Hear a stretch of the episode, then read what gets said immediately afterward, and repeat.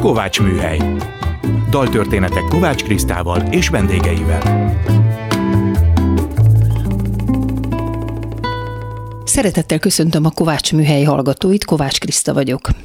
Hallgassuk meg mai daltörténetünk témaadó dalát, Banks of the Ohio, azaz magyarul Zúg az Ohio.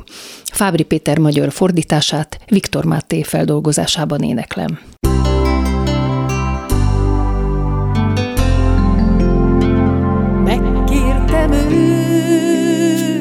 Jöjjön el még, ez egyszer még, hogyha lehet még.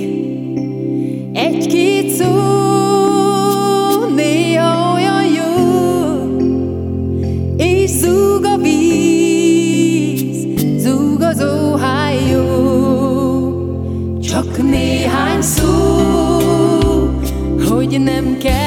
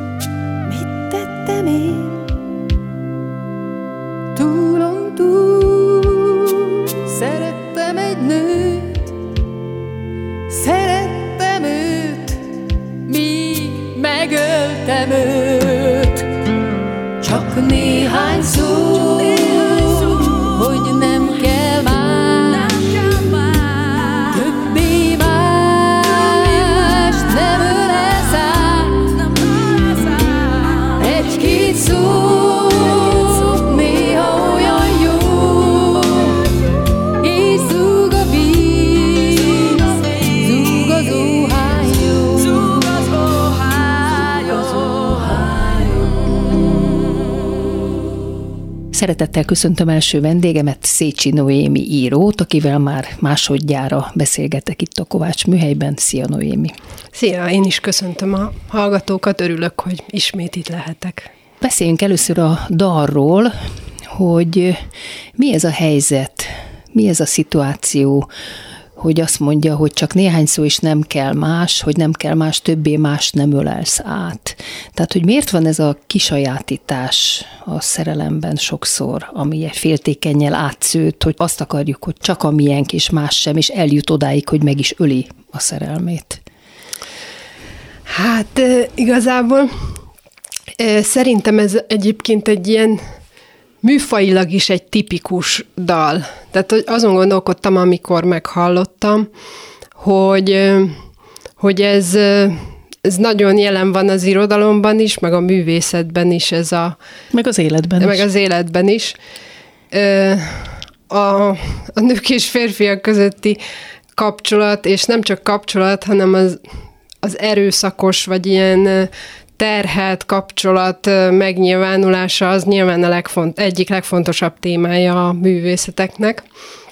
És ez, ez, a, ez a kifejezett dallam meg, meg egy ballada, ami méghozzá ez az ilyen, ez ilyen gyilkossági ballada. Gyilkossági bizony. Tehát ez, ez az egészen szélsőséges esete ennek a, ennek a műfajnak a témában.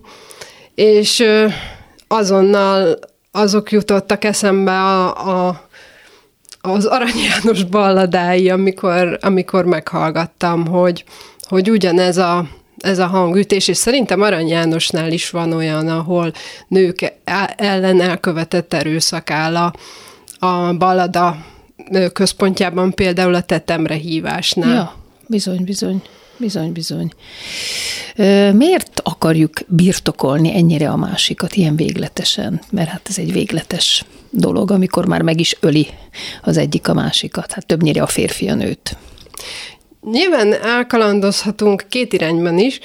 Az egyik a, a pszichológia területe, a másik meg a, a történelem a területe, hogy, hogy milyen története van például annak, hogy a, a nők és a férfiak között a birtoklás, mert ennek végül is van történeti alapja is.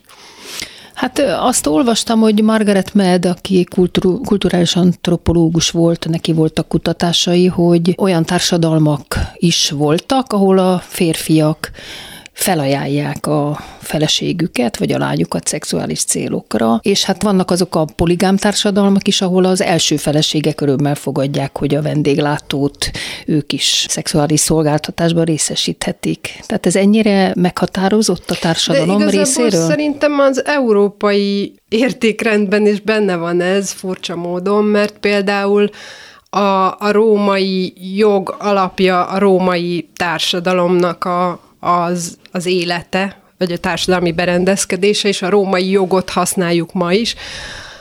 A jognak az az alapja, vagy hogy abból arra épül az európai jogrendszer, holott ez a jog annak idején, az ókorban úgy határozta meg a családot, hogy a férfi birtokolja az összes családtagját, tehát a feleségét, a gyerekeit és a rabszolgáit, mivel akkor rabszolgák is voltak, mind, mindannyiuknak ő a tulajdonosa gyakorlatilag, szóval ez azért ilyen mélyen is benne van a társadalomban, és hát nyilván végig mehetünk tételesen a különböző korok ö, társadalmi berendezkedésein, amikor láthatjuk, hogy, hogy milyen módon ö, voltak kiszolgáltatva a nők a férfiaknak, és ö, mennyivel birtokoltak több jogot a férfiak, és ezáltal a, a nők mozgástere nyilván lezárult, de, de ez vala, valószínűleg kihatott a férfi pszichére is, ez a,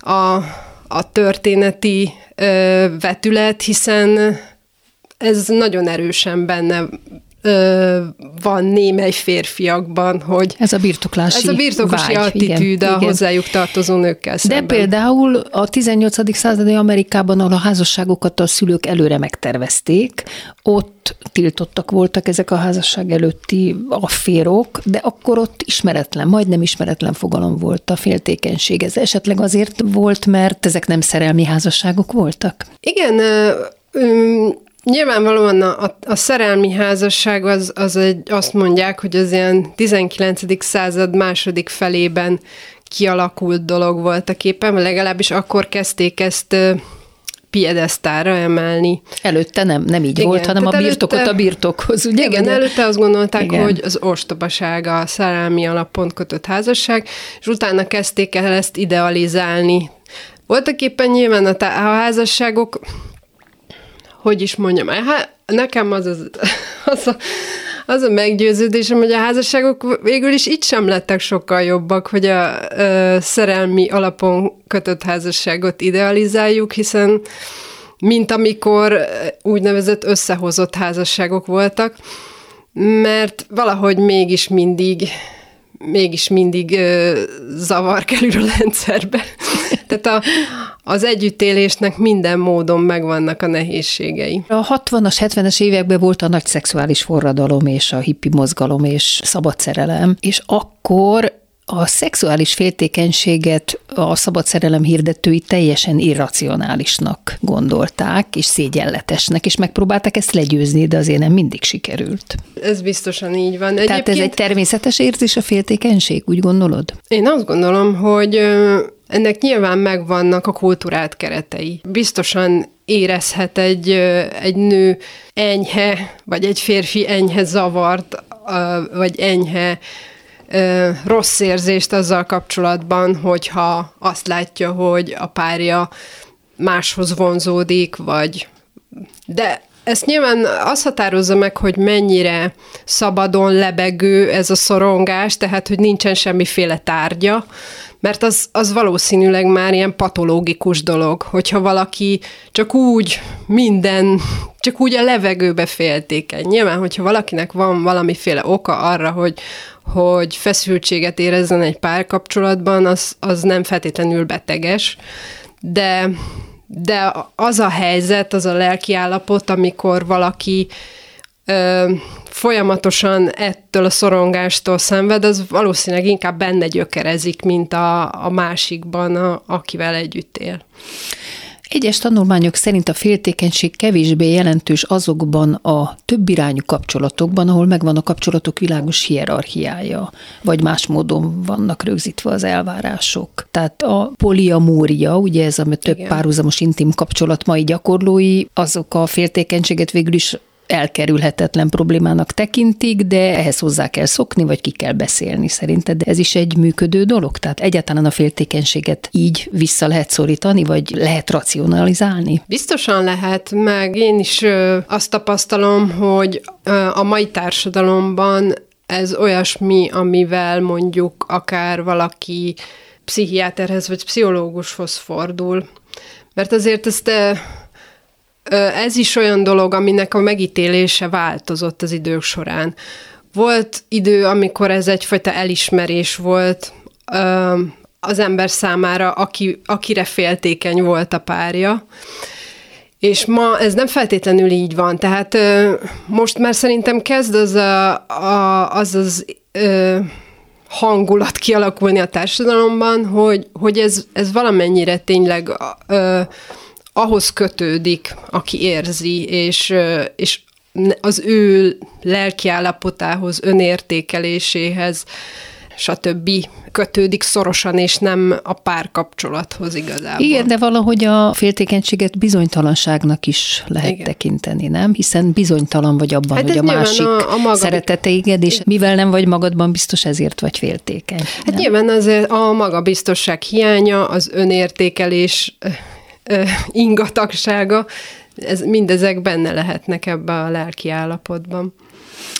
Öm, olvastam egy nagyon érdekes történetet, egy mai média történetet.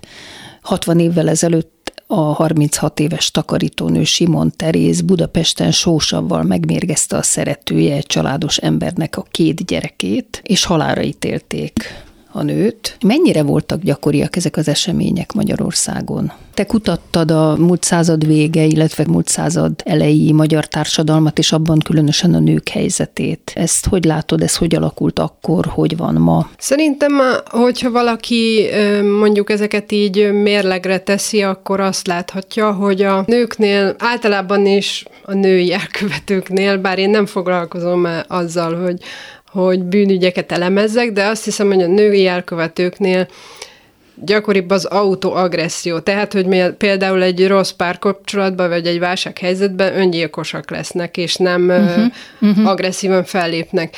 És hogyha az ember nézi ezeket a bűnügyi krónikákat, vagy elegendő bekapcsolni mondjuk a, a híradót, vagy meghallgatni a híreket, és azt látja, hogy ha arról van szó, hogy mondjuk ezt a, ezt a hírt mondják, hogy valaki féltékenységből ölt, akkor, akkor rendszerint biztosak lehetünk benne, hogy egy újabb családírtásról szóló bűnesetet fogunk hallani, ahol a, az apa visszatért a családhoz, és végzett a feleségével, gyerekével, egykori élettársával, szóval, hogy ez valahogy a, a férfiak és nők probléma megoldási stratégiáiból adódóan inkább a férfiakra jellemző, hogy egy ilyen helyzetben, amikor ilyen emésztő féltékenységet éreznek. Akkor... Vagy mert elhagyták, és Igen. már nem kell, mint ebben az esetben volt. Igen, de ami, ami ezzel mondjuk, ezzel kapcsolatban problematikus, és ezt biztosan sokan mások is észlelték, hogy, hogy sokszor egy kicsit ilyen eufemisztikusan fogalmaznak ezzel kapcsolatban, mondjuk a hírekben is, tehát, hogy, hogy szenvedély, meg féltékenység, meg ezeket a szavakat használják iszonyúan véres bűncselekményekre, és hát itt elő, egy, egyszerűen nem a szerelmi szenvedélyről van már szó nyilvánvalóan, hanem egy ilyen erőszakról, ami, ami ártatlan emberekre, vagy a, nyilván az elkövető szempontjából olyan emberekre irányul, akire úgy gondol, hogy erőszakkal tud föléjük kerekedni. Ez itt a Kovács Műhely Szécsi Noémival beszélgettünk a féltékenységről és annak különféle válfajairól, de szerintem ez is a féltékenységből indul ki, még ha el is jut odáig, hogy egy eszeveszett pszichai állapotba kell jutnia nyilván valakinek, hogyha a másik embert megöli, hát ez máshogy nem is megy, gondolom, pláne, hogyha még ki is találja előre, hogy a gyerekeitől, mert tehát úgy akarja büntetni a szerelmét, hogy tehát az egész egy ilyen teljesen aberált gondolkodás, de hát rengeteg ilyen példát tudunk. Hát ott volt Cigány Dezső, a festő, aki kiirtotta az egész családját. Vagy szóval, Csád Géza. Vagy Csád Géza, igen, az se volt semmi, igen. Tehát én úgy gondolom, hogy ez is még mind a féltékenységre vezethető vissza, így vagy úgy, vagy amúgy valamilyen veszteség, amit nem bír elviselni az az ember. Igen, csak mondjuk ezzel, ezzel tényleg, ezzel kapcsolatban tényleg az a problematikus, hogy van, van azért ezzel kapcsolatban egy ilyen romantizálási tendencia, pont azzal kapcsolatban is, hogy, hogy ez egy műfaj, amit énekelsz. Ez egy, ez a úgy hívják angolul, hogy murder ballad. Igen, gyilkossági hogy ez, ballada, igen. Hogy ez, ez tényleg valami, nyilván összefügg azzal is, hogy az emberek men, embereket mennyire lenyűgözi egy, egy gyilkos szempontja például, tehát hogyha val, általában öm, az a legérdekesebb, hogy valaki hogyan követett el valami szörnyű gyilkosságot. Amit mi nem merünk legfeljebb gondolatban, Igen. igaz? Gondolatban Igen, mi is el, nem, nem el akarjuk véletlenül. követni ezeket, de hát mm. talán ezért van ilyen nagy sikere ezeknek a bűnügyi filmeknek is. Igen, nem? meg, meg ez, a, ez, egy, ez egy olyan, pont Eszembe jutott, hogy életkoromból adódóan, hogy ehhez hasonló dal például a Nick Cave és Kylie Minogue duettje, az a Wide Rose. Tényleg, igen, igen, igen, igen. Szóval ez, ez tényleg egy ilyen erős műfaj, és általában a női áldozatok vére folyik benne. Bár képzeld el, most a napokban láttam egy filmet, egy 72-es francia film, az a cím, hogy Kétej, Lino Ventura és Ingrid Tulin főszereplésével, ahol a volt feleség elhívja a volt férjét magához egy elhagyatott házba, és egyszer csak a csapóajtó val pasas lekerül a pincébe, és onnantól kezdve fogó, és tulajdonképpen a nő bosszúja. Milyen irodalmi példákat mondanál erre? Amit említettem az elején, Arany János Arany János jutott először eszembe erről, a, mert pont a ballada miatt, de... Regényben melyiknél fő téma? Nem jut ilyen eszedbe? Bár hát a szerelmi regényekben azért majdnem mindegyikbe ott van, vagy előkerül. Persze, ez biztosan, hogyha ezen most elgondolkodtam volna korábban, akkor biztosan számtalan ilyen van, tehát ez Neked csak... a saját könyveidben én, nincs ilyen? Én írtam egy ilyen helyzetről, Na, úgyhogy, úgyhogy éppen ebből kiindulva azt képzelem, hogy hogy csak éppen most nem jut eszembe, de rengeteg van. De akkor mesélj a sajátodról, a, melyik könyvedben? Az Egyformák vagytok című regényemnek ez egy ilyen kerettörténete, a, a narrátor, az egyik narrátor ö, Ról, két barátnő, ugye? Igen, két barátnő, és az egyik narrátor ö, egy ilyen szituációban van benne éppen, hogy a válságba került a házassága, a férjét, a férjéről gyanítja azt, hogy megcsalja valakivel, és pont egy olyan a keret történet pont egy olyan buli, ahol azt a nőt kell néznie, és hogy más okból is olyan a munkája miatt állandóan ezt a nőt kell néznie, akiről azt gyanítja, hogy a, a férje megcsalja vele, és az érzéseiről nyilván beszámol, meg a feszültségeiről, meg egy ilyen kiélezett helyzetet teremt benne ez lelkileg. Igen, ez szerintem az olvasókat is érdekli, tényleg, ahogy a filmekről beszélünk, az irodalomban is, de hát a képzőművészetben is ott van, a festményeken is előjön ez a téma, tehát ez nagyon hozzátartozik. Mennyire gondolod, hogy a társadalmi berendezkedés mennyire befolyásolja ezt az egészet, vagy ez megmarad a magánélet területén? Szerintem arról van szó, hogy ezt valóban máshogy kezdjük el értelmezni, és míg ezt korábban tényleg egy ilyen csodálatra méltó szenvedélynek tartották, ezt most már nem így ért. Tehát ez azt hiszem, hogy az új, új az újabb generációk ezt már nem romantizálják úgy, mint, mint ahogy korábban. Tehát ahogy például eh, ezekben az irodalmi művekben, amit emlegetünk is, a különböző gyilkossági balladákban, vagy, vagy más történetekben, vagy filmekben, vagy, vagy bűnügyi ö, regényekben és filmekben, ez valahogy így, így felnövekszik, vagy ilyen, ilyen mitikus szintre jut, és valamennyire hajlamosak vagyunk megbocsátani annak, aki ennek nevében követel valami negatív tettet, erőszakot. Ez szerintem most már például a, a, a, azok, azoknak a generációknak, akik már olyan világban nőnek fel, ahol sokkal fontosabb a, a pszichés egészség, ez, ez kicsit más fényben jelenik meg. Meg már inkább elmegyünk pszichológushoz? Igen, és igen, azt gondolom, hogy... hogy Tudjuk, hogy ez egy kicsit beteg dolog, és akkor ezt meg lehetne valahogyan gyógyítani. Igen, ugye? szerintem ezt, ezt korábban, tehát volt egy időszak, amikor ezt elfogadták, volt az olyan időszak, amikor romantizálták, és, és most egy olyan időszak van, és pontosan azért, mert ennyire fókuszba kerülnek ezek a, a, a gyilkosságok mondjuk, vagy családírtások, vagy egyebek, olyan helyzetek, amik, ami így nevezhetjük, hogy féltékenységből történtek, ez tudatosodik az emberekben, hogy, hogy a pszichés egészséghez, vagy a kiegyensúlyozott párkapcsolathoz nem tartozik hozzá. Jobb, ha ezt elkerüljük. mindennek megvan a, az egészséges mértéke. Befejezésül most zajlanak a Klubrádió őszi gyűjtési hetei, amiben a hallgatókat kérjük, hogy támogassák a rádió fennmaradását. Fontos-e szerinted, hogy fennmaradjon a rádió? Hát ez nem kérdés.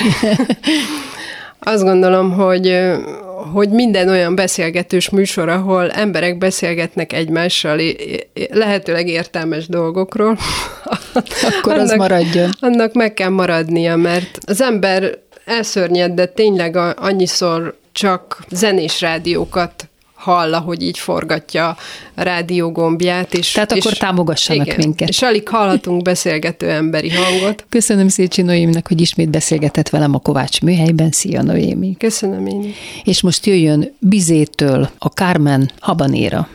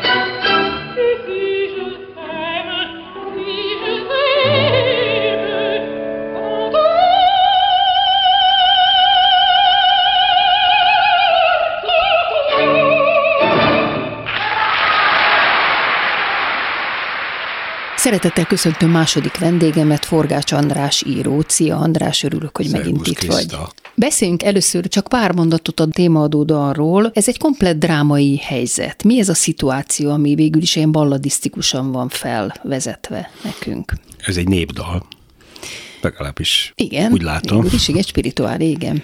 És a, a trükkje az, hogy nagyon későn derül ki, hogy mi a tulajdonképpeni történés. Ez egy nagy trükk, de egyébként más dalokban is természetesen ez jelen van, de ennek speciálisan ez. És még abban se lehet biztos az ember, hogy egy szerelmi dal, amikor elkezdődik egy ilyen át, kicsit általánosabb ö, vallomás az életről, a szerelemről, akármiről, de nem tudjuk, hogy ez valaki, nem, nem derül ki a dalból, hogy, hogy ez egy szerelmi csalódás után, sőt a, a, a bosszú után, a féltékenységi dráma után játszódik. És szinte egy mellékesen ejti el. Én ezt tartottam ebben a legszebbnek, uh-huh, uh-huh. legizgalmasabbnak. Mellesleg eszembe jutott egy dal, amit biztos ismersz, én csak most ismertem meg, 34-ben írta a Cole Porter, és egy Mészői Miklós regényben olvastam, ahol va- valaki a hadseregben állandóan ezt játsza, ez a Miss Otis Regrets. Ha nem ismered, akkor most Énekeld fölírom receptre. Miss Otis regrets that she, nem tudom kívülről a szövegét, de hogy a Miss Otis egy, egy fiktív személy, nem népdal, ő megbán, saj, nagyon sajnálja, de nem tud eljönni ebédelni. Nem tud ebédelni jönni, Miss Otis. Mondja a, valaki, egy valószínűleg a cselédje, mert hát ugye történt vele ma valami, hogy hát sajnos el kellett mennie a bizonyos szállodába, és ott lelőni egy férfit, és, és ezért most őt bezárták a börtönbe, és aztán jött a tömeg, és kirángatták a börtönből, és éppen most felakasztani készülnek, úgyhogy Miss Otis nagyon sajnálja, de nem tud ebédre jönni. Miss Otis regrets. Aha. Most én olvastam a Mészői Miklósban, regényben, eh, ami a háborús emlékeit dolgozza föl, elbeszélés, és rögtön meghallgattam, és beleszerettem. Úgyhogy én szerintem, ha neked ismersz egy jó fordítót, akkor fordítasd le vele, ha ismersz véletlenül, mert szerintem ez csodálatosan passzol még ehhez a dalhoz is, amit most hallottunk. Hát féltékenység, szerelemféltés, meg tudod ezeket a fogalmakat határozni valahogy? Hogy Az az- írnád le? Jó, hát igazából nagyon közhelyesen is lehet megközelíteni. Igazából tulajdonképpen azt mondja a féltékenység, hogy minden emberi történet három embert követel meg, minimum. Tehát akkor van történet. Két ember nem elég egy történethez. És nagyon jól tudjuk, hogy gyakorlatilag, és hát vannak olyan fantom kapcsolatok, ahol van négy, öt, hat is, akár lehet, de azért ez a három, ez egy alapszám, Igen. ami nagyon sokunk életében, eh, ha éltük a magunk életét, eh, szerepet játszik. Ugye feltűnik egy másik, vagy jelen van egy másik, akár láthatatlanul, akár láthatólag. Tehát én inkább azt mondanám, persze, mint érzés, egy hihetetlenül ö, tudatszűkítő érzés maga a féltékenység. Tulajdonképpen hasonlít a depresszióhoz, csak egész más a forrása és a kifejezése, mert, mert, mert csőlátásúvá teszi az embert, és mindent arra redukál. Na most igazából ö, voltam már életemben féltékeny, nem is egyszer. Különböző okoknál, nem csak szerelmi féltékenység van, ugye, pláne íróknál, ugye a rivalizálásban erős féltékenységi motivumok is vannak. Annak ugye az a lényege, hogy teljesen igazából akkor féltékeny az ember, amikor elbizonytalanodik saját Önmagában. magában. Igen. Akkor elveszti a bizt- Önértékelési zavar lesz egy, egy pillanatra, keletkezik ugye? egy ilyen, nem tudja, hogy ő most mennyit ér, és, és a féltékenység az ezt kompenzálja. Na most ö, ö, egyik kedvenc íróm, akit most fordítok is, és sokat foglalkozom vele, Marcel Proust. Ő, két nagy szerelem van a- abban a hétkötetes regény folyamban, az eltűnt idők nyomában van, és mind a kettőben ugyanaz a, a modell, a szerelmes férfi, egyik maga a narrátor Marcel, a másik az van, nem tetszik neki az a nő. De azért lesz bele halálosan szerelmes, mert féltékeny lesz mindazokra a szituációkra, amikor nem lehet ott, mindazokra az emberekre, amikor nem lehet ott, és elveszi feleségül ezt a nőt, aki nem is tetszik neki, nem is az esete, egy gyereket is csinál neki, ezzel, ez, emiatt veszi el látszólag. Valójában halálosan beleszeret egy nőbe, akit ő neki nem is lehetne szabadna szeretnie, ha nem lenne féltékeny. Tehát, Tehát kvázi a féltékenység váltja ki belőle a szerelmet? Ez a mondod? Pruszti modell. Mert a, az Albertin, aki egy címszereplő lesz a regényben, ugyanaz, abszolút nem az esete a narrátornak, ellenben aztán nagyon féltékeny lesz, és ott még iszonyú rafinált, mert a világ legrafináltabb szerzőivel állunk szemben. Ott egy leszbikus kapcsolat van a háttérben, de nem érti, titkok vannak. Nem érti ezeket a titkokat, és ezen egyébként a feleségem története. De Ugyanez, ugyanerre a dinamikára épül. Igen. És csak azt akarom mondani, hogy- hogy ha a féltékenységet csak úgy, mint fogalmat absztraháljuk, az elég unalmas. Igen. De amint elkezdjük látni ezeket a úgynevezett hármasságokat, ugye hiszen azt az embert a Miss Otisnak ö, azért kellett megölnie, mert valószínűleg én, én ö, ez a Cole Porter írta, tehát ez egy műdal, Aha. és ezért feltételezem, hogy a Miss Otis egy gyönyörű fekete lány, akit egy fehér pasi elcsábított. Uh-huh, uh-huh. És valószínűleg a fehér pasi ráunt, már el lett csábítva, és akkor meg kellett ölni. De lehet, hogy Miss Otis fehér, ez csak az én feltételezésem, ugye, hogy előítéletesen, ugye, ha a szerző nem fehér, ugye, Akkor hát, ha igen. úgy kell mondani, most már nem lehet azt mondani, hogy afrikai-amerikai, mondta egy barátom, aki most jött New Yorkból, hanem azt kell mondani, Azt, hogy fekete, azt se lehet azt se mondani? lehet mondani, hogy fekete, Azt nem hanem colored people. Ezt most már csak ezt lehet mondani amerikai jó, de ma még azt mondjuk, hogy fekete. Itt van. Igen. Jó, beszéljünk egy kicsit a drámairodalomról, és az egyik kedvencemről, az Otellóról, amelyiknek ez központi témája. Kinek a féltékenysége a központi témája Hát szerinted? igen, ez egy jó kérdés, mert felébreszti. Tehát a jágó a saját hatalmi érdekei miatt játsza ezt a játékot, ugye? Igen, de ő halálosan féltékeny az Otellóra, akit helyette neveztek ki, szerinte. És halálosan féltékeny a Cassiusra, akit szi- szintén helyette fognak kinevezni. Tehát az ő saját féltékenységéhez fölhasználja a mások szerelmi Nem féltékenységét. felhasználja, hanem meg legyártja. Legyártja. Méretre. Ő, ő, ő ugye, Azért mondjuk el a ő- hallgatóknak, hát ha valaki nem tudja. Az történetét? Bár még az Otelló Ugye- szindrómának is nevezik a pszichológiában. Azért egy fantasztikus mű, és azért csináltak belőle operát, és így tovább, mert tulajdonképpen mind a két, a szerelmi pár, a szerelmi duett, mind a kettő határátlépő. Ugye az Otello az egy ö, fekete ember, akiből egy nagy, magasrangú katona lesz, és ö, nagyon jó pozíciója van Velencében. Velencében. És a Desdemona meg egy fehér lány, aki egy feketéhez hozzámegy.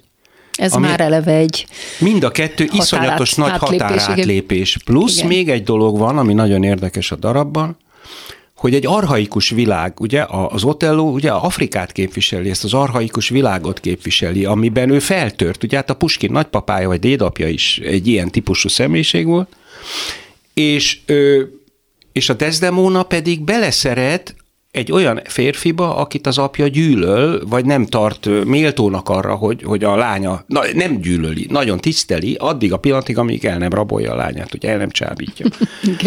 És ö, ugye ö, az történik, hogy megszöktetik a Desdemonát, ö, és, és miután háború van Velence és a törökök között, de Ciprust meg kell védeni, ezért elutaznak, ö, és kinevezik Otellót azon az éjszakán.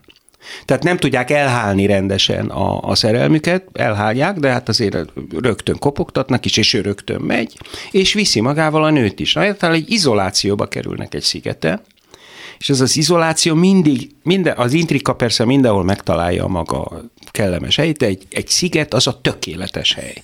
Tehát a jágónak ebből a szempontból szerencséje van.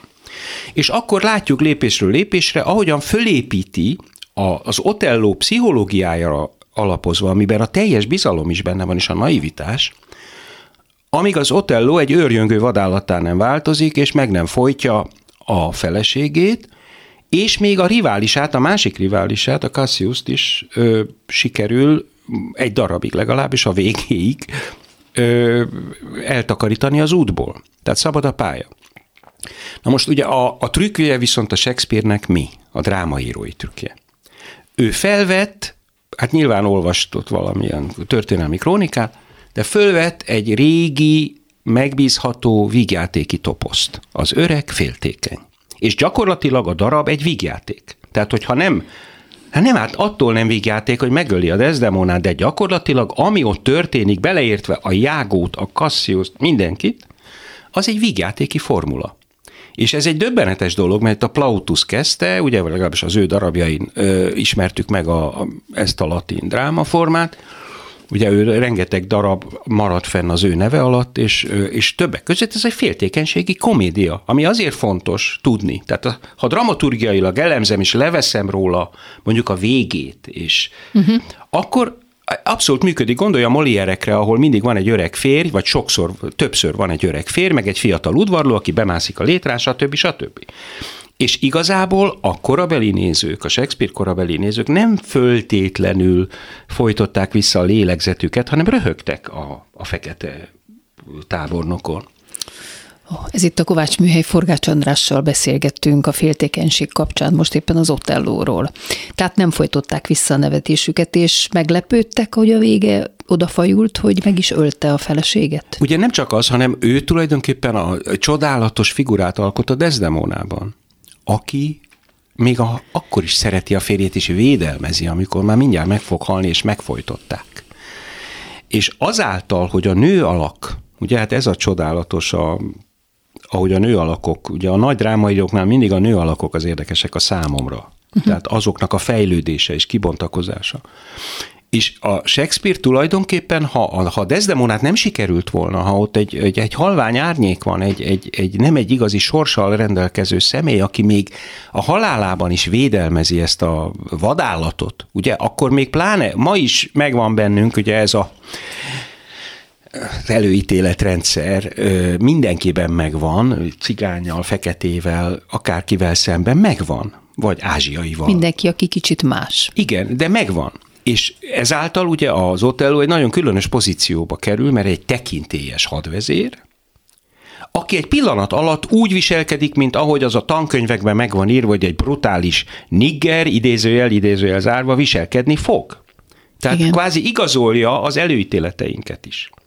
És ez, ez ő, egészen biztos vagyok benne, hogy a korabeli londoni nézők nem egészen azzal a horrorral nézték, és sokkal közelebb voltak, hát ugye a, a, a királynő lefejezi Essexet, lefejezteti Essexet nem saját kezüleg, és egyáltalán kínpadra vonnak embereket, szóval akkor egy kicsit másképp viszonyultak ennek a dolognak a, a reprezentációihoz, mint ahogy ma, ami felvilágosult ö, tudatunkkal, persze ha Ukrajnára nézünk, akkor látjuk, hogy pont ugyanott tartunk, mint, mint Shakespeare korában, mint az, a görögök korában, pont ugyanott tartunk, tehát a, az emberi brutalitás alapvetően ugyanazon a színvonalon van és mindig visszatérő, de az a lényeg, hogy, hogy ezáltal ez az egész féltékenységi történet, ugye, és tényleg az van, hogy a Jágó, akit egyébként a, a Shakespeare a harmadik Richardon tanult meg megírni, a harmadik Richardnál van egy sebességváltás a Shakespeare életműben, ahol látjuk ö, azt, hogy valaki gyorsabban gondolkodik a környezetén. Igen, igen. És ez zseniálisan van dramaturgiailag megcsinálva, mert hirtelen nagyon gyors lesz a harmadik Richard, és a Jágó is hirtelen nagyon gyors lesz. Most én a tanítványaimnak, amikor tanítottam az SF-én, a színházi dramaturgoknak, mindig föladtam, hát ö, többször más osztályokban is, de föladtam, így lenne pontos fogalmazni, amikor szerez pénzt, ugye a Jágó azt mondja a, az udvarlónak, most hirtelen nem jut eszembe, vagy Rodrigo, a, aki, aki meg akarja a Desdemonát, és hiteget azzal, hogy majd megszerzem neked, ugye egy kis csavar a gépezetben, szerez pénzt. És ez ugye elhangzik 12-szer egy kétoldalas monológban, és csodálatos a dramaturgiája a, a Shakespeare-i ö, dramaturgia, ahogyan ezekkel az ismétlésekkel, ezekkel a beleismétlésekkel, ezek is új dolgok voltak igazából. Tehát uh-huh. a, a Shakespeare-i Na most ez, ez, hogy mondjam, ez így gomolyog az egész körül. Mondhatjuk, hogy féltékenységi dráma valójában sokkal több, és, és a Shakespeare nagysága tényleg abban mutatkozik meg, hogy egy komikus alaphelyzetből egy ekkora tragédiát tud csinálni, ami aztán a Verdiig ugye visszhangzik. Na most jöjjön a másik kedvencem, a Méri Mé novellából írt Carmen. Igen. Hát ott is eljutnak a gyilkosságig. Ott is, hát féltékenység persze, Nem de egy, azért ott nem más egy is. gyilkosság van ott. Ugye a pasi gyilkos, tehát megöli, megöli a Carmen, Meg. de a pasi gyilkos lesz a Carmen miatt. És ott is tulajdonképpen az is egy arhaikus világ, amit ábrázol a Merimé. Ugye ő ezt a sztorit valahol Madridban hallotta valakitől, és ő kicsit utána olvastam, mert ugyan olvastam a Carment, és ismerem az operát is, de kiderült, hogy egy műemlék felügyelő volt ez a, ez a, A? May, igen, és még pedig egy nagyon jó. Aha. 66 évesen meghalt 1870-ben, de, de egy műemlék felügyelő volt, aki, aki pedánsan, hogy úgy mondjam, rögzítette ezt a történetet, és aztán zseniálisan megírta, és a végén van egy appendix a cigányok etológiája, etnológiájáról. Tehát akkor azt is oda és az egészet belehelyezi egy olyan keretbe, ezt a ezt az arhaikus történetet, mert ez nagyon fontos, hogy itt ilyen arhaikus ö, ö, gesztusokkal írás tudatlan emberek mondhatni ö, Spanyolország közepén, arhaikus gesztus. Az egyik baszk, ugye a férfi baszk, a nő cigány, ő, találkoznak, tehát teljesen más a, a feltételrendszere, mint, a, mint az Otellónak, de ott is működik ez az arhaikus primitívre való visszautalás, de itt aztán vastagon. Tehát igazából ugye van ez a tiszt, Don, Don José, José, Don José. aki aki karrierről álmodozik, ezredes szeretne lenni, ö, és, a, és van egy ismerőse, akinek sikerült, ugyanabból a sorból, baszk földről indult, és mégis sikerült, ugye egy elnyomott kisebbség Spanyolországban. És nem véletlen, hogy a, hogy a, a Carmen egy baszk mondattal, illetve tud baszkul, mert ott volt kislány, cigányok között, és hogy azzal tudja őt megbolondítani, hogy, hogy hagyja őt megszökni, hogy ő baszkul beszélget vele, és az is buktatja le a férfit. De a baszk már akkor ugyanúgy, mint ma, ugye, hiszen tudjuk, hogy, hogy, hogy mi történik Baszkföldön, mik történtek az elmúlt időszakban is, ö, ö, egy, egy, egy kvázi elnyomott kisebbség tagja, aki fekről fölkapaszkodni.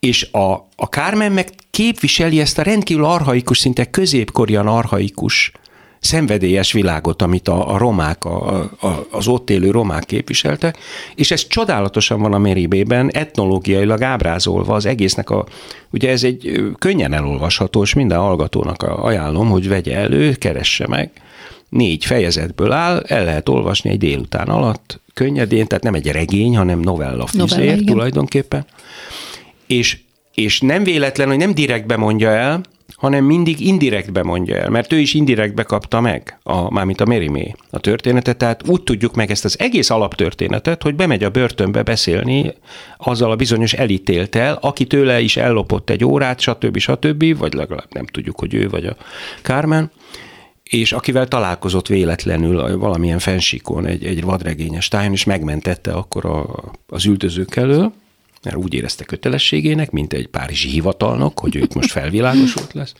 De alapvetően úgy műk, nem úgy működik ott a féltékenység, ahogy ö, itt működne, hanem az, arhaikus világ és az új világnak egy összeütközése. Ugye amikor azt mondja, azzal ugratja a amikor odaadja magát először a Szánhozénak, és azzal ugratja, hogy te vissza akarsz menni katonának. Hát mi, ő meg vissza akar menni, mert ő ezredes akar lenni, tehát integrálódni akar.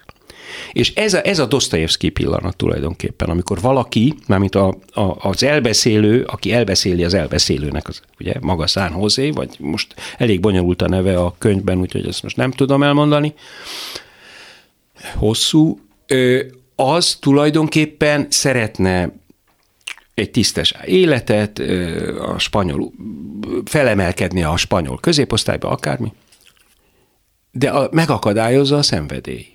Tehát, tehát ez történik, és teljesen irracionális. Ugye az elején is, a, a, amikor ott a dohánygyárnál van, akkor ott valamit hajtogat, mert nem tudom, itt föl akar akasztani valamit az egyenruhájára, és a Kármen kezd ki vele, holott ott a Kármen, mindenki azt a Kárment nevű nőt figyeli, aki ott megy be.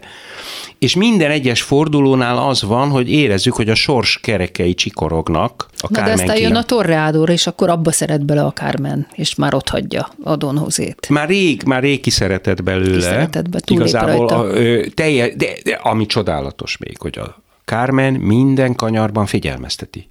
És előre megmondja neki, hogy miattam téged fel fognak akasztani, te ne vegyél engem komolyan, mit gondolsz te? Hülye vagy? Legyél okos. De ő nem okos, hanem szenvedélyes.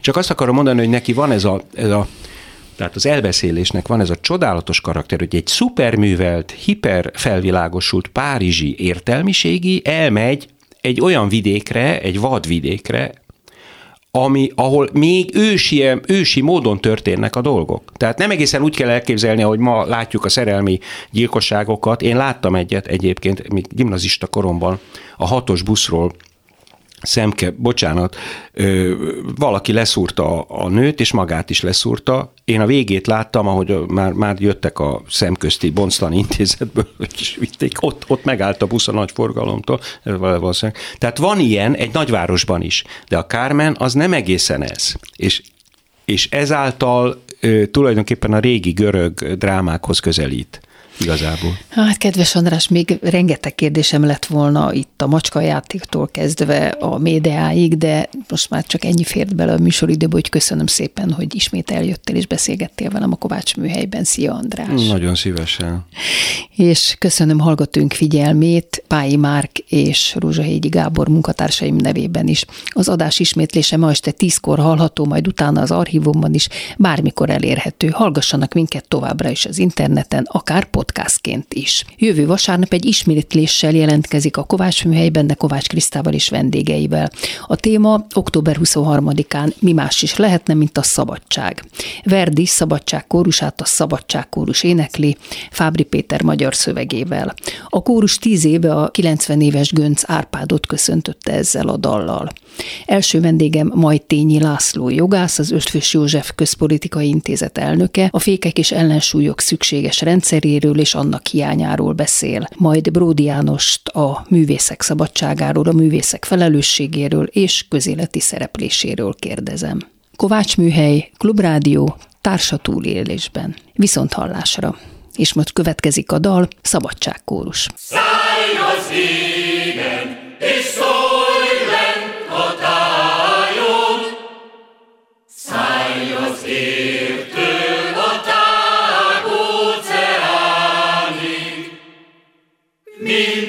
Kovács Műhely. Kovács Kriszta műsorát